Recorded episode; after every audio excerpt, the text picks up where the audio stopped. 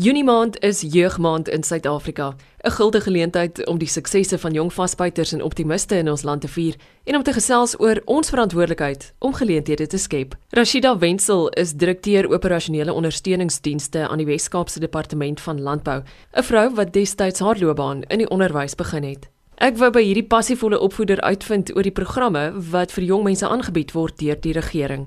Hierdie is ook programme wat iemand dalk baie verder as die grense van ons land kan neem.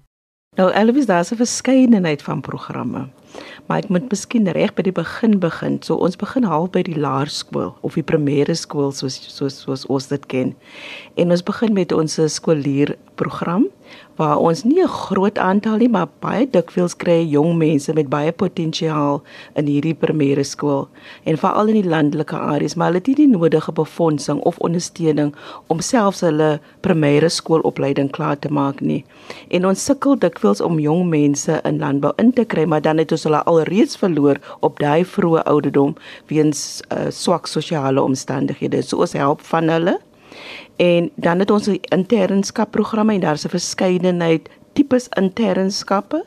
En ek noem net die student intern, die gegradueerde intern en dan selfs ons beurshouers terwyl hulle studeer en 'n beurs van ons ontvang om te studeer in landbou of van die departement liewer ontvang in landbou, gee ons ook vir hulle geleentheid tydens vakansie om by die departement te kom werk en dit maak hulle studies dan meer gepas, hulle leer en sien dit wat hulle doen in aksie.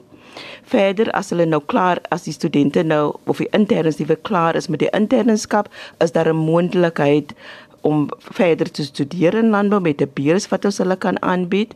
En selfs verder te gaan met die jong professionele program. Ons het wat ons noem die pre-YPP, dis nou die jong professionele ontwikkelingsprogram. En dan ook word gedoen op 'n meestersgraad en honeursgraad. En met baie trots kan ek ook nou sê die eerste keer ons 'n eerste student wat sy PhD gaan voltooi. En ek wil net byvoeg, bovenbehalwe daai programme het ons ander ondersteuningsprogramme, byvoorbeeld die uitruilprogram met Oostenryk waar ons jong studente vat van die drie landbou skole, ons ondersteun hulle en hulle gaan besoek Oostenryk, soos hulle nou in Junie verlede jaar gedoen het. Hulle kom terug, hulle is absoluut verryk net om te sien wat in 'n ander land gebeur wat hierdie jaar gaan gebeur is daai studente van Oostenryk kom nou weer na ons toe.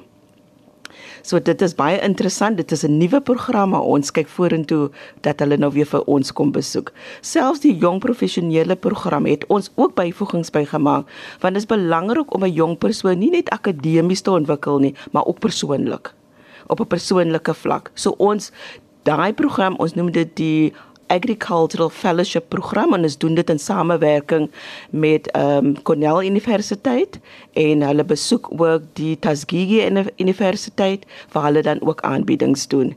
En dit is 'n so dit is so verrykende ondervinding vir hierdie jong mense, dis ongelooflik.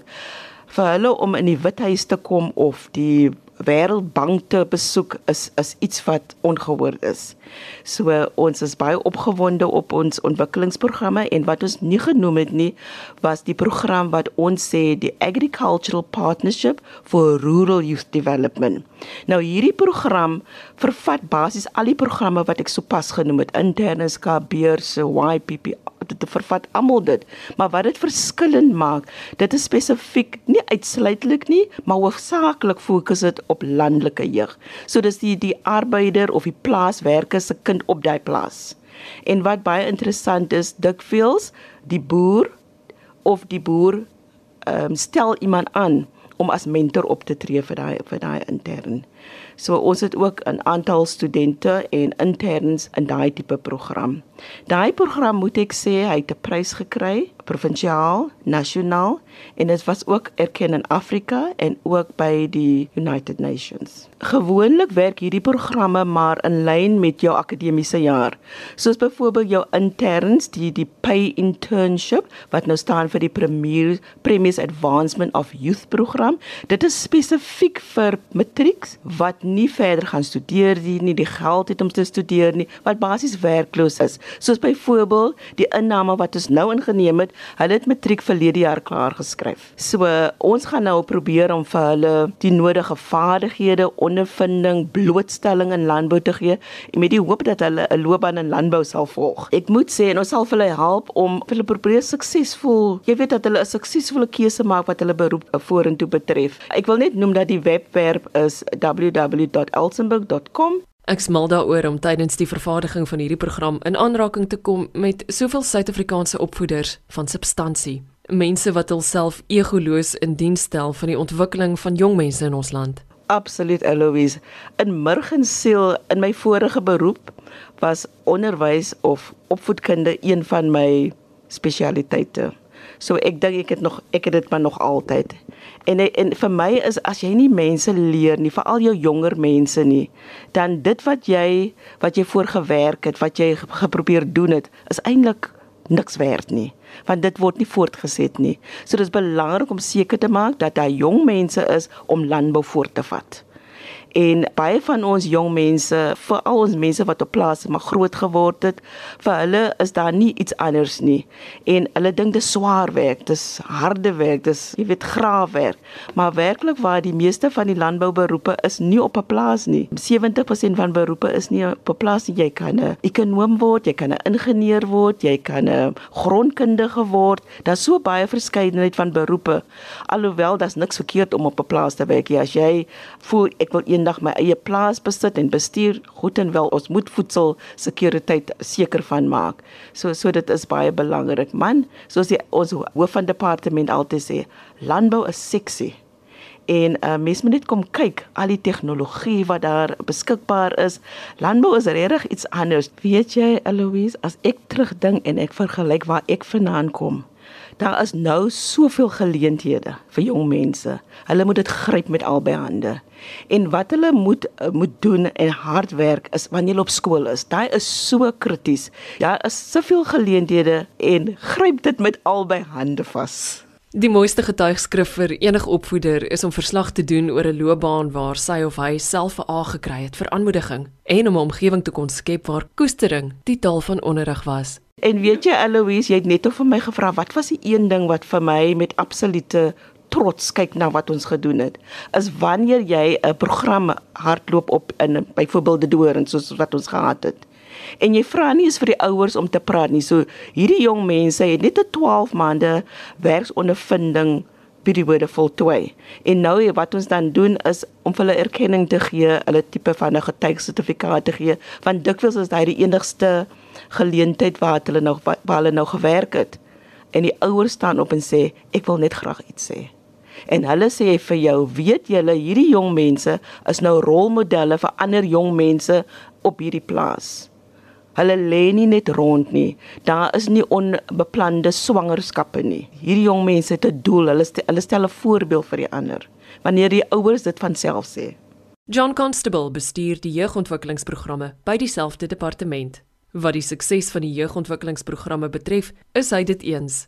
Dis juist die liggame wat dit aanbied wat hulle storie moet ken. Die programme wat ons by betrokke is is baie suksesvol omdat ons 'n ondersteuningsstelsel het vir hierdie beursouers. Dis nie net 'n persoon met 'n beurs kry nie, maar ons stap op pad met hulle. Daar is 'n verhouding tussen die beamptes en die beursouers en hy ondersteuning kry hulle. Ek dink ook die sosio-ekonomiese impak wat hierdie programme het, as ek byvoorbeeld sal kyk na die Dorings wat ons daai program begin het, het baie van hy kinders bygedra tot die inkomste van die huishoudings. Dit is arm gemeenskappies waarvan die ouers op plase werk en dit dalk net die enigste inkomste is.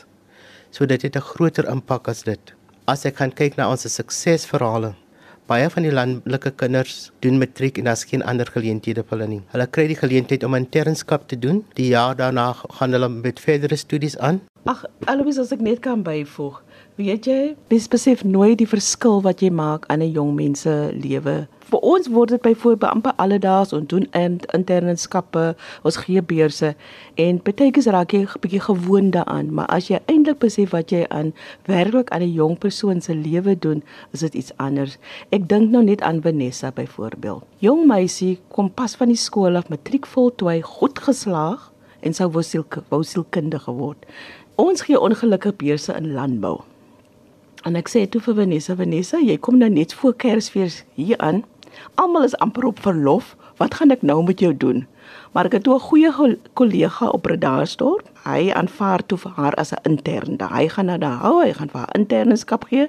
Dan in Januarie gaan ons nou weer praat want ek praat toe met haar. Ek sê vir haar, "Lyk my jy kan in in ons landbou-ekonomie afdeling gaan werk. Dis waar jy gepas is."